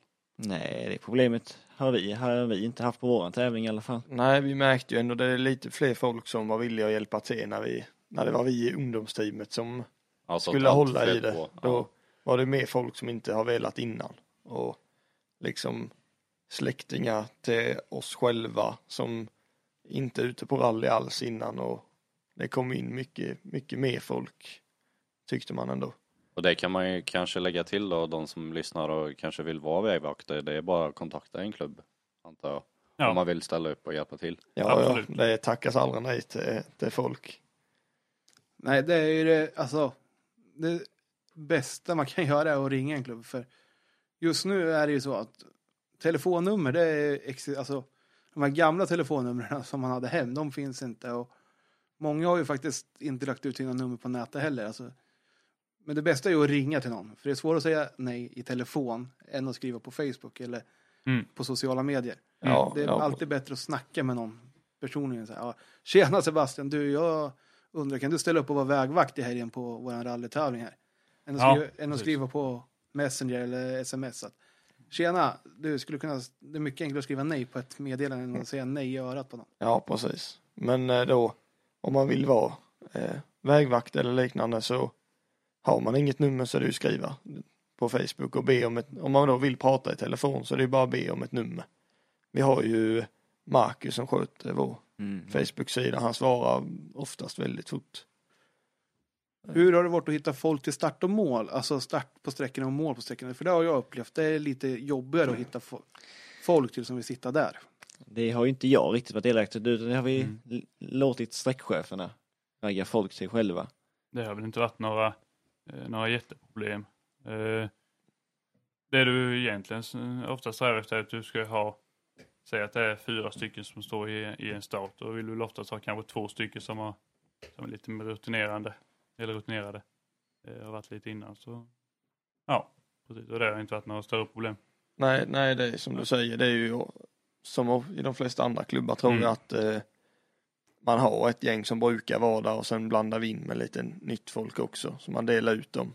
Ja, precis. Oftast är det så att eh, när vi ringer och kollar med någon så säger vi det att ja, tar du och ditt gäng det målet som ni brukar göra och så gör de det kanske och så är det klart. Så behöver man inte tänka på det mer. Tar ni hjälp av andra klubbar också eller är det mest folk från Älmhult som hjälper er? Det var ju en sträcka i fjol, sista sträckan där det sträckchefen, han fixade väl några från Ryd, tog målet på den sträckan. Annars är det väl oftast folk från eh, Älmhults motorklubb eller Ja, det mesta. Det mesta. Det är skönt, för annars behöver man ju alltid åka och jobba tillbaka de där tävlingarna som man... För där, så jobbar vi uppe hos oss i Sörmland. Att där tar vi ju oftast hjälp av många andra klubbar och då blir det ju att du måste åka och hjälpa de klubbarna. Och det, det funkar också bra, men det blir många helger du behöver jobba i kapp sen. Om du säger att du har fem sträckor och kanske bara bemannar två med eget folk och så har du inlånat från tre. Då, är det, då ska du vara med på fyra tävlingar och jobba istället för att vara med på en. Ja, Men det, det, det är ju ett sätt att lösa funktionärsbristen, absolut. Och jag tycker det är superkul att åka och hjälpa andra klubbar. Ja, precis. Alla, alla sätt som går är ju, är ju bra. ja man får ju se lite rallybilar. Man får, man får se rallybil och man får se ett annat sätt att jobba på också. Mm. Och man lär sig vad man kan ta med sig och vad man kanske kan tänka på till sin egen klubb också. Så det är ett tips att, att kolla med andra. Och ni var ju faktiskt iväg på ett stort uppdrag, ni i Älmhult. Och det kan ni få berätta för Ja. lyssnarna vad, vad det var. Ja, precis. Eh, vi eh, hade då som sagt eh, ja, sparat ihop pengar från tävlingar och sånt vi haft eh, och andra tävlingar som vi hjälpt till på. Så åkte vi då på en resa till, eh, till Tyskland, till VM-rallyt där. Eh, och hjälpte till dessa funktionärer. Eh, även var ute och kollade lite och eh, ja, hade det allmänt trevligt faktiskt. Vem var det som styrde ihop den här resan? Var det ni själva eller hur kom ni i kontakt med de tyska arrangörerna? Eh, nej, men det är väl, det är väl en resa som går eh, typ varje år. Ja, jag, Eh, Det är ju Anders Anderholm nere i Trelleborg har ju väldigt bra kontrakt, kontakt med dem. Så är det ett litet utbyte där mellan SSR och Tyskland. Så vi kommer ner dit och sen kommer några tyska upp till SSR. Så det är lite utbyte där. Det är alltid alltså, kul att komma till ett annat land. Alltså, Mm. vad, vad var det ni reagerade på där nere jämfört med Sverige? det var ju väldigt mycket striktare med folk som går på vägar och alltså det här var ju liksom det var ju ingenting. Man fick, man fick ju knappt gå över vägen där det var överfart liksom utan att det stod någon och vaktade eller vad man ska säga. Eh, Så det var väl mest, mest det. Och hur, hur mycket mer funktionärer. Dock är det ju en VM-tävling som man jämför med så det är ju lite mer men Men vilken sträcka fick ni vara med och jobba på? Pansarplatte sprint. Sprinten där. Cool sträcka att få jobba på. Ja, verkligen. Man ser ju dem länge och många gånger när de kommer lite, lite överallt. Alltså även om man jobbar så fick man ju se mycket. Och nära fick man komma med. Det är lite kändes som på de flesta ställena. Man fick inte riktigt komma så nära vägen som man ville heller. Alltså funktionär fick du vara var- lite närmare Ja, ja. Ja, precis. Man var väl eh, tre meter ifrån kanske. Varje bil. Vad är det Så- bästa minnet från Tyskland där då? Om vi börjar med Sebastian. Ja, bästa minnet var nog ändå när, när jag och Rasmus eh, fick sitta på pansarplattor där vi hade eh, vad ska man säga, varningen till en övergång. Så vi stod ju längre, längre upp på vägen och viftade med flagga så de där nere kunde hålla folket liksom. Så där stod ju vi i en H0 egentligen så då kunde vi stå riktigt nära så de kom. Eh, och gav iväg igen. Så det var ju, det var nog det bästa. Albin då? Mm. Ja, jag stod ju lite nedanför där Sebastian och de stod då. Eh, och så hade vi en, eh, en överfart där. Eh, och det var ju väldigt, eh, väldigt trevligt att kunna stå där. Prata mycket med, mycket med folk också. Vilka språk använder du då? då? Ja, det var nog lite allt möjligt. Tysk, svenska? ja, precis. En blandning mellan allt. Ja, mest engelska. Lite tyska lärde man för sig i skolan också, men det... Vilka var jobbigast att göra med sådär på en VM-tävling? Det var fransmännen utan Fransmännen, ja. tvekan. Jajamän. Ja, det är nog självklart. Det är, de vägrar prata engelska även om de kan det. Men lyssnade de på er eller var det många som sket i vad ni sa också? Ja, alltså. eh, Ja, där uppe där jag och Rasmus att det var en eh, fransman som skulle gå. Jag vet inte hur många gånger vi försökte. Jag sa till han 20 gånger tror jag. Och så var han borta i 10 minuter. Sen stod han där igen. Och, ja. De tänker att eh, man säger till dem så backar de en meter in i skogen men de stod ändå liksom rakt fram i svängen så han måste ju köra väck dem. Ja, precis. Då när språk, språket inte funkar redigt så är det ju lite svårt med. Det blir lite teckenspråk. Man blir lite uppgiven och hur ser man ut? Bara, Teckenspråk funkar ju alltid. Ja, man får ju försöka vifta iväg dem men eh, de är ju envisa med. Vi hade ju telefonnumret till han där nere så det var ju någon, någon äldre som kunde, fick komma ner. När vi inte riktigt redde ut det så fick de ju komma och försöka hjälpa men det gick ju inte det heller. Nej, nej. Var det tyska så hade vi ju någon i, i vår grupp som pratade tyska så där gick det ju att lösa men då fransmännen är ju omöjligt. Ja, alltså sydeuropeer, de är av ett speciellt slag. Det har man ju sett på Svenska rallyt också. Ja, Det enda som kommer i lågskor kan man säga ibland. Man bara, ja, Ja, 10 Cool. grader kallt och man går i gympaskor. Man bara, Ja, det. Tre, tre lager med jeansbyxor på sig. De kan det med lager på lager principen. Så. Men hur, alltså, hur jobbar ni vidare nu då med ungdomsgruppen? Ni skulle haft en tävling nu första maj. Yes. Det var ju samma sak där. Fyra sträckor, start och mål i Liatorp. Men där vi i år testade en ny grej då, i fjol då när Silvervattnet ställdes in så när vi sökte tillstånd så sökte vi en extra sträcka. För om det ställs in så är det bara att ha en reserv så att säga så får man ja, rätt SS. Istället för att få lite kortare då kanske man måste dra ner på startavgiften lite och hela den biten men vi hann ju inte komma så långt innan corona Nej. satte stopp för det. Vi, fick, vi hann faktiskt komma så långt så vi fick använda oss av den här reservsträckan vi hade. Ja det fick vi göra. Eller hade, vi skulle tänkt använda oss av denna då. I och med att vi fick en sträcka som blev struken lite sent. Eh, Så det var tur att vi gjorde på det, på det viset. Men det är ju tråkigt där med corona. Men har ni planer på att köra någon tävling nu i höst eller? Ja, 21 november är tanken att vi ska köra denna tävlingen med exakt samma sträckor och hela biten. Och Och, in, och ingå i Södras sprint-EM. Ja, det låter ju superkul. Och kommer det vara onotat eller notat? är ju notat, men i det här Södras öppna sprint så är det ju förenklade noter där det jag har ju inte åkt på dem, men jag har ju bara hört att det är, det är inte de här riktigt långa måtten emellan. Nej, Anders sa det själv, han försöker gå tillbaka lite till, till det var i början, alltså det är inte massa ja, Onödigt. onödigt är det ju Ja. inte egentligen, Ja. men förenklade då. Lite mer arrangör, alltså säkerhetsnoter, arrangörsnoter. Ja. Mm. Som det var från början kanske. Ja, Ja. precis. Är det något mer ni vill säga om det här med att arrangera tävlingar eller det? Nej, men det är väl... eh, Jag tycker faktiskt det är, det är ganska kul. Och, och liksom testa på, testa på att hoppa över på den sidan också. Inte bara sitta i, sitta i bilen och köra. Utan få känna på eh, både och lite.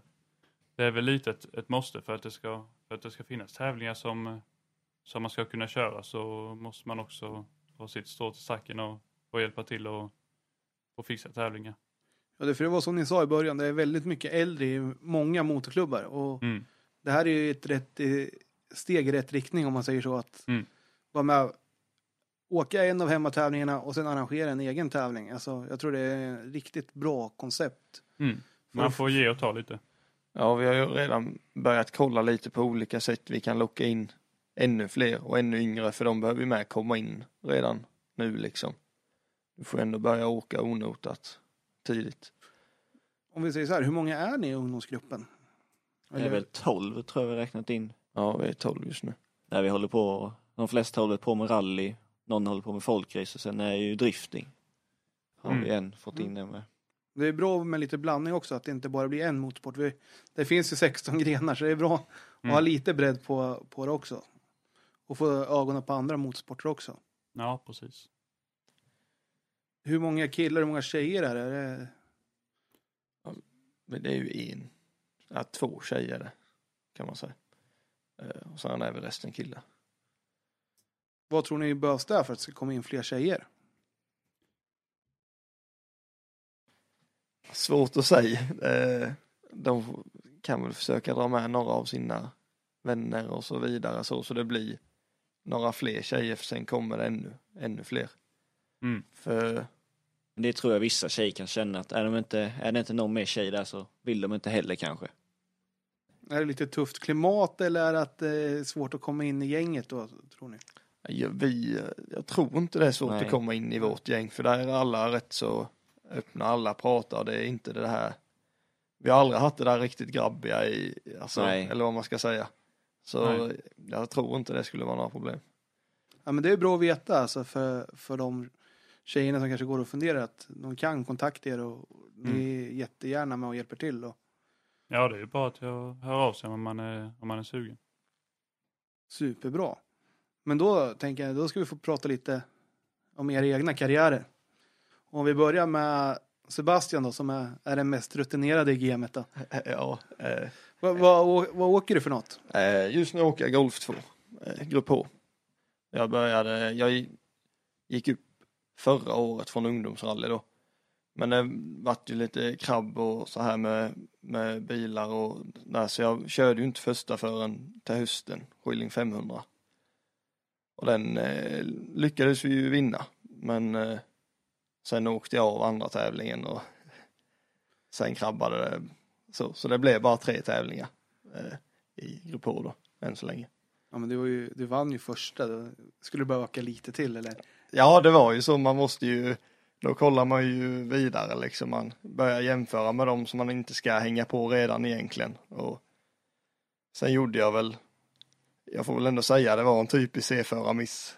Inte, vi startade sist och man måste hålla sig i spåren bara, så är det. Men eh, Det är inte alltid lätt säger Nej, man. det Viljan vill lite mer kanske. Ja, när man inte har liksom aldrig kört varken trimmat eller framhjulsdrivet och ska ge sig på det så blir det att man inte hänger på redigt kanske. Men hur kom du in och började med rally? Eh, från allra första början så körde ju min morbror och farbror ihop. Men de slutade ju när jag var liten. Men de har alltid dragit med mig ut på rally och vi har kollat mycket rally. Och sen då så, eh, jag och Simon i klubben vi, ja, det var nog kyrka faktiskt som drog ihop oss, det kan man inte tro redigt när man träffar oss men eh, då började vi prata och sen köpte jag mig en rallybil och han byggde sin rallybil och vi började köra båda två bara.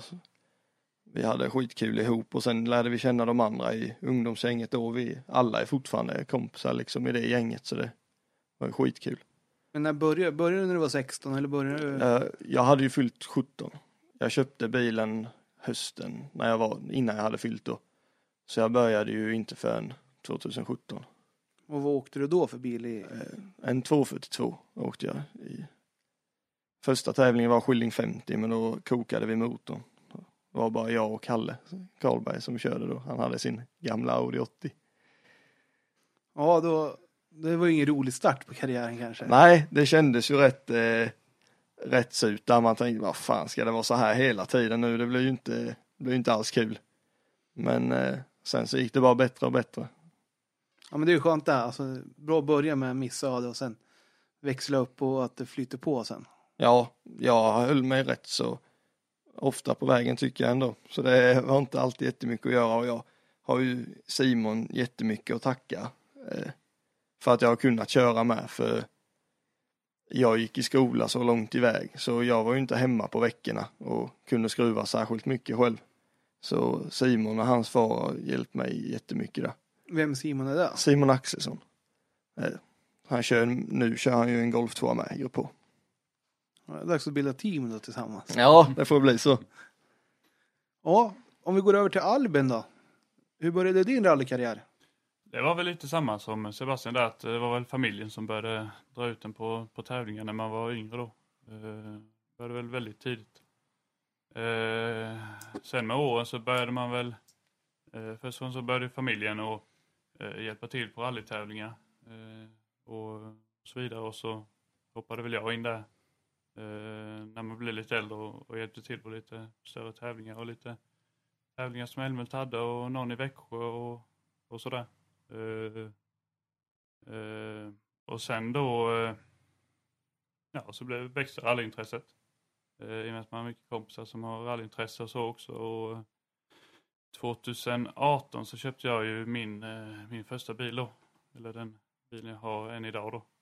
I slutet av, eller sensommaren 2018. Eh, körde väl två riktiga tävlingar 2018. Eh, började Gullabo i jubileumsknixen. Eh, det gick väl eh, bra. Kul att känna på rallyt för första gångerna. Eh, och sen var det Blekinge. Gick lite sämre. Och vad är lite sämre? ja, jag kom väl på eh, till andra sträckan. Sen blev det en liten avåkning där. så kom jag inte vidare därifrån. Så det blev... Ja, men man, lär sig, man lär sig av misstagen, eller hur? Ja, precis. Om man inte har gjort något misstag så har man inte åkt tillräckligt fort. Ja. Man måste ju kolla vart gränsen går. Mm. Jag körde en, en tävling innan, där körde jag lite föråkare på, på mästarmötet. Eh, och sen då förra året, 2019, så började jag väl försöka köra en, en hel säsong då. Eh, och hade väl mest som fokus att eh, att lära mig köra rally. Lära mig bilen och så vidare. Eh, och det flöt på bra. Eh, och denna säsongen då så var väl tanken att börja satsa lite, lite hårdare men eh, blev inte mycket av det. Nej, den har dött ut kan man säga lite grann. Ja, precis.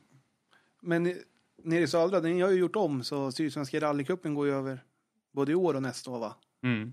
Så att de blandar lite tävlingar. Så vissa gick i år och vissa går nästa år va? Eh, ja, något sånt är väl tanken. Jag vet inte riktigt hur det, hur det ska läggas upp. Men du kanske Nej. hade tänkt åka Bilsport rallycup eller något annat? Av, av serierna där nere. Ja, på, ja, från början nu så hade jag väl tänkt köra eh, Sydsvenska rallycupen och, och några, några mer tävlingar då. Eh, men som det blir nu så, så vet jag inte riktigt hur det blir. Kanske du åker det som, som Ja, kommer. det, det som finns. det, är väl, eh, det är väl lite prat om att man skulle eh, skippa cupen och nu bara köra lösa tävlingar för det mesta eh, nu på hösten. Men eh, Ja, det Ja. finns ju, det blir ju svårt att få ihop något, ja, något vettigt precis. om man ja. säger. Mm. Så. Och det kanske är det bästa alternativet också. Men vad har du för mål med rallyt då? Rallykarriären om man säger det. Mm. Funktionärsmässigt då vill du ha en A-licens. Ja, I precis. rallyt då? Nej, men jag vill väl eh, eh, klättra lite i, i klasserna. Eh, tanken var väl till nästa år att köpa på mig en, en bättre bil, men eh, som det ser ut nu så fortsätter jag nog i, i min eh, Opel Astra, Grupp B då.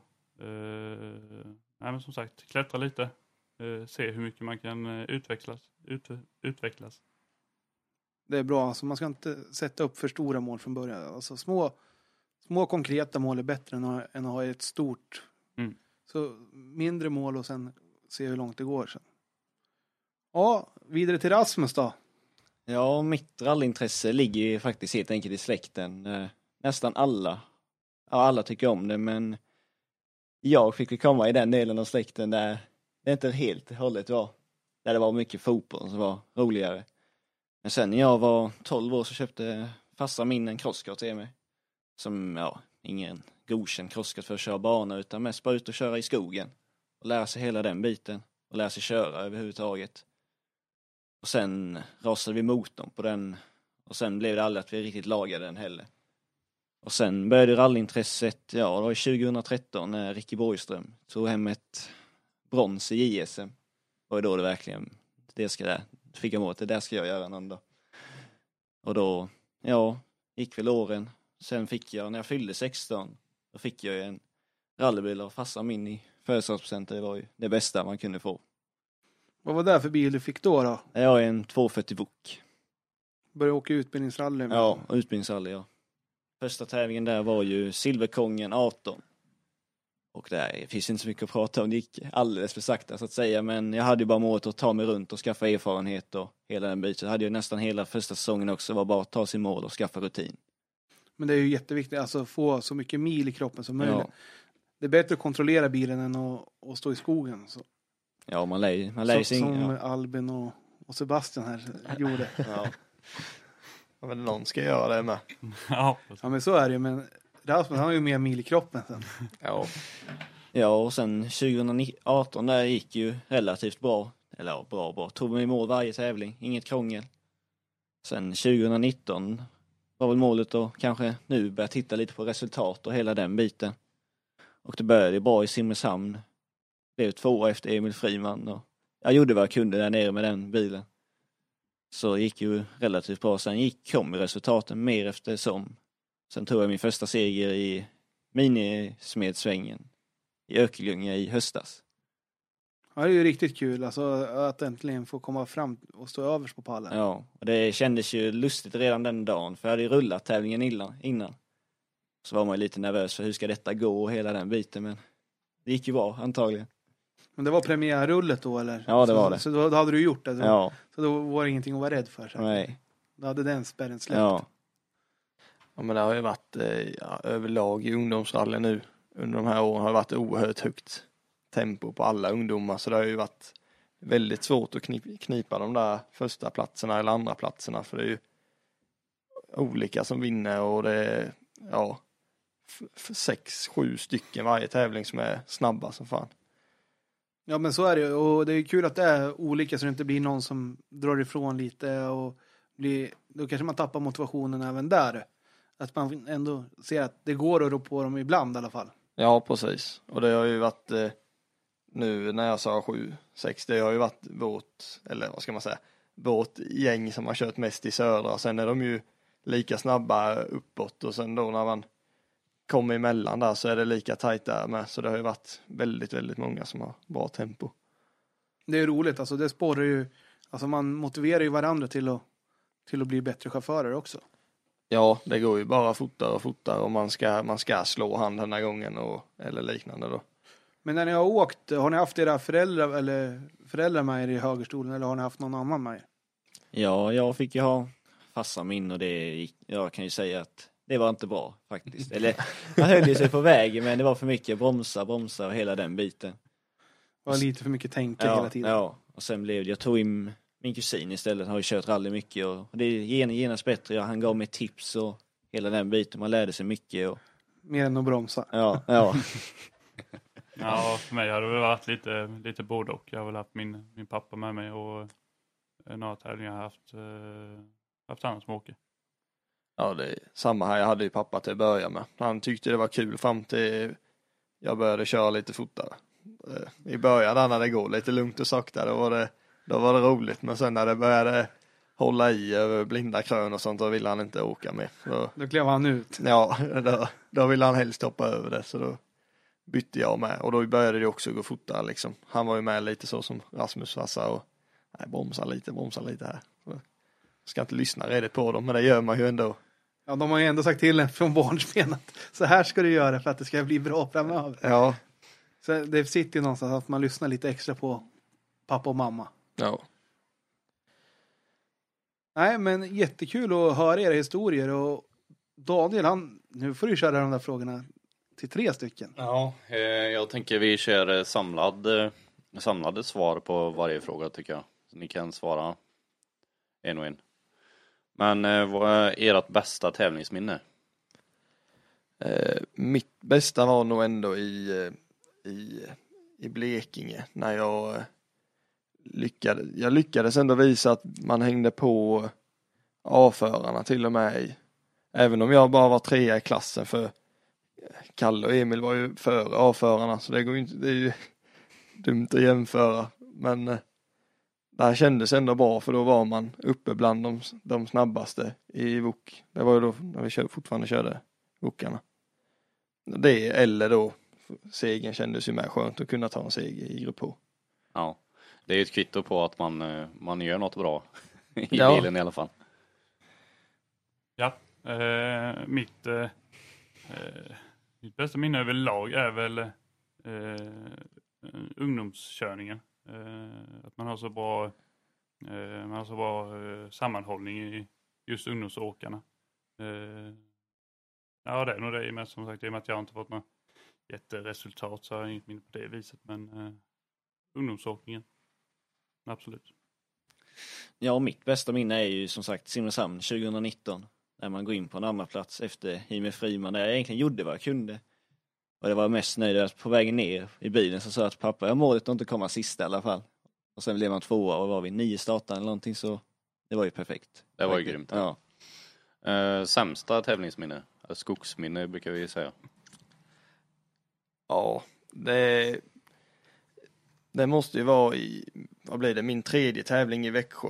Då eh, tyckte, var så pass tidigt och jag tyckte ändå jag hängde på på första sträckan och sen på andra sträckan då så åkte vi av i en sån konstig, ja, jag vet inte riktigt vad som hände ens. Jag bara åkte av vägen. Och det var ju, man kunde ju inte ens glädja sig med att det stod något folk och så på. Vi var ju helt ensamma där. Mhm. Så eh, nej, den var, den var riktigt tråkig. Ja, mitt är nog då den, eh, den min andra riktiga tävling eh, nere i Blekinge där. Eh, när jag körde av. Eh, det är mitt sämsta minne tror jag. det jättekul. Ja, mitt sämsta minne är ju där, rullningen i Hörby. Vi ska jaga andra platsen i kuppen. Första sträckan, väldigt bra tid. Och andra gör vi någon omöjlig miss i någon hårnålsvägbyte och sen när svänger efter så helt plötsligt låg man på taket. Så det är ju det sämsta. Ja, det är ju lätt att det, det bär av vägen när man blir lite ofokuserad. Eller överladdad. Ja. Det är antingen eller. Um, garagetabbar, har ni gjort några sådana? Ja, ja. Och kan man erkänna sånt?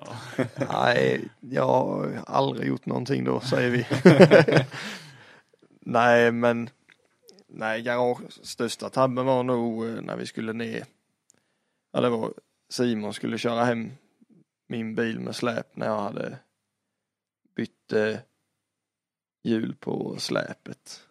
Och det ena hjulet satt inte åt redigt så det flög av. Så det var, det var lite, lite halvdumt. Ja, men, det är eh, ju en, en hyfsad garagetabbe där i alla fall. Ja, det får jag ändå säga. Nej, eh, garagetabbar tror jag faktiskt inte jag har gjort några, några sådär som man kommer ihåg. Det är klart, mindre grejer har man väl, har man väl gjort så, men inget. inget Inte större. huvudtricket heller då. Nej, precis. Eh, någon gång har jag eh, glömt att spänna bromsledningarna så de, eh, kommer inte ihåg vilken tävling det var, det var någon tävling där vi kom i mål på, eh, på sista sträckan och bromsarna eh, slutade fungera i, i slutmålet när vi kom in precis. Då hade vi tur. Ja, det är ju en hyfsad eh, tabbe det med. Ja, Ja. Ja, någon tabbe har man men inget sånt verkligen minnesvärt. Men det är ju, Man vill ju inte lägga sånt på Nej, minnet heller. nej. nej. nej men. Ja, det var väl en tävling man, vad heter det, skulle ta på hjulet, körde punktering. Skulle man sätta på, eller ja, i garagetabbe, men på tävlingen.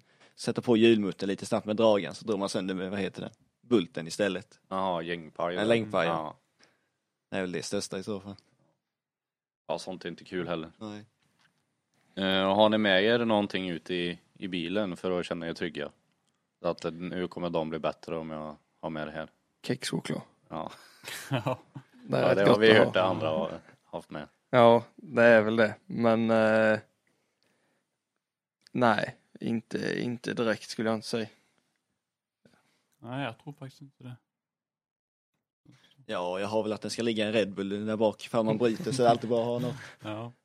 Ja, finnarna har vi ju sett eh, när man varit över. De spänner ju fast ölflak och spritflaska och allt möjligt i i bilen.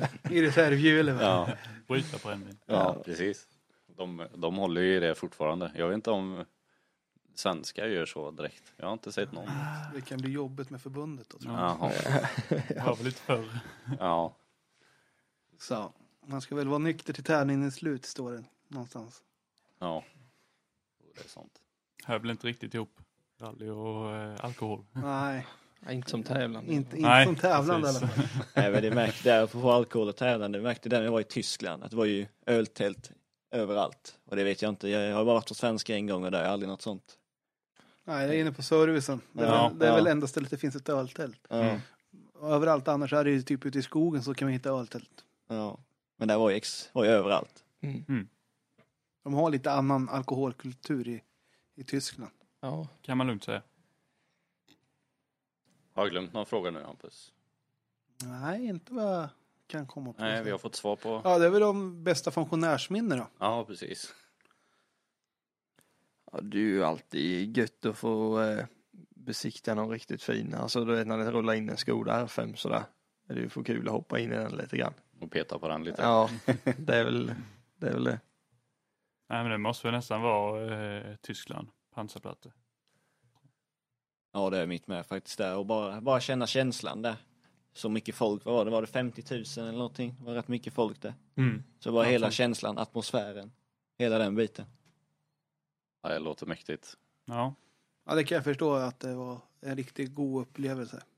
Så innan vi rundar av så har vi ju lite tittarfrågor till eller lyssnarfrågor till grabbarna. Och en är vad gör att man som ungdom ställer upp och jobbar som funktionär? Ja, Vi har ju pratat om det rätt mycket. men- Ja, ja, det är ju det att eh, det är ju någon annan som gör det för mig när jag ska köra. Och då eh, får man ju ta och göra det själv också.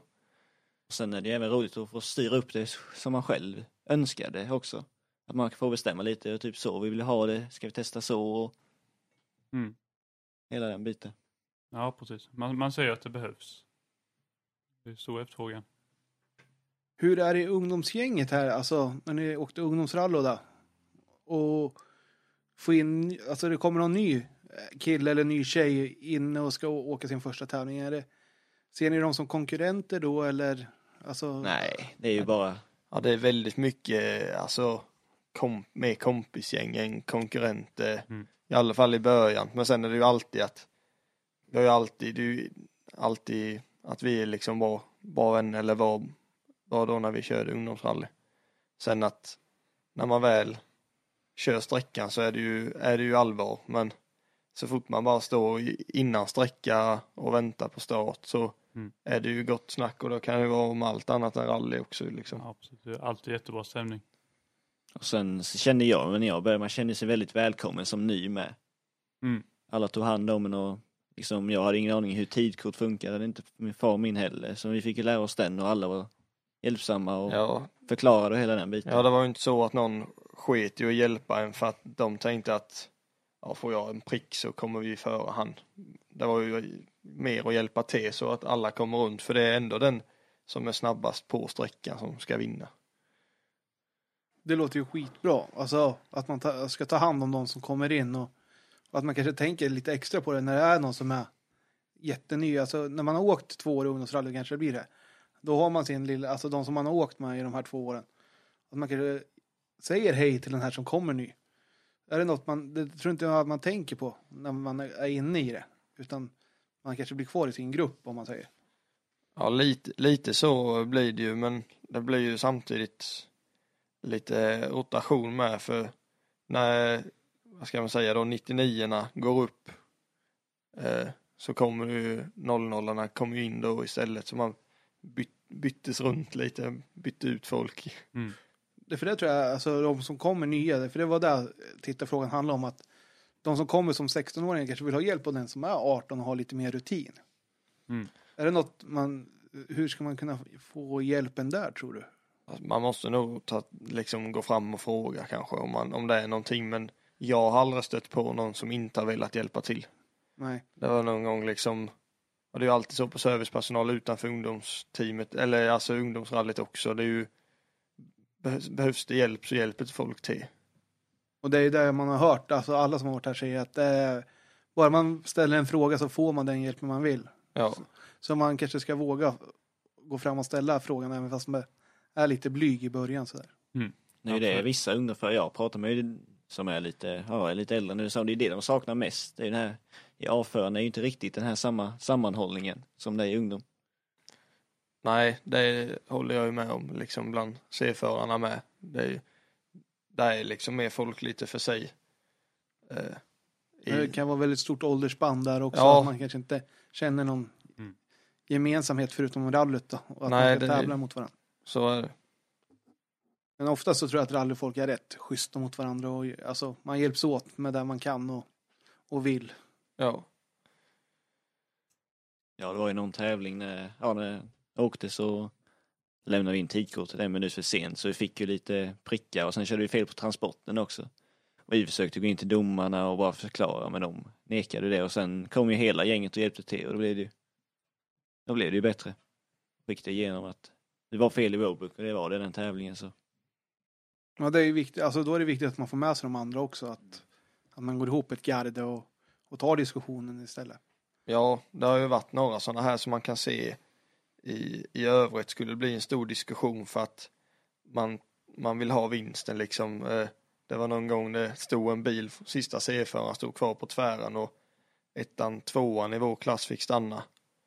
Och jag kom ju lagom med min tid precis när de har kört iväg igen så att jag tappade ju ingenting. Så egentligen, och det är ju där vad reglerna, hur man tolkar reglerna där lite om de ska få en, alltså en konstruerad tid eller inte. Men där är vi ändå så tajta och vi vet liksom att de två är snabbare i vanliga fall och då sätter ju inte jag mig emot någonting för de ska få den tiden de ska, ska ha liksom. Så där har man varit med om att det har blivit liv och så annars men i ungdomsgänget har vi ändå hållit ihop det rätt rättvist tycker jag. Härligt, härligt. Men då grabbar, då ska vi avsluta här och vi får tacka för att ni ville vara med och hoppas ni tyckte att det var värt att komma hit. Ja, tack så mycket för att du själva. fick komma. Ja, vi tackar så mycket.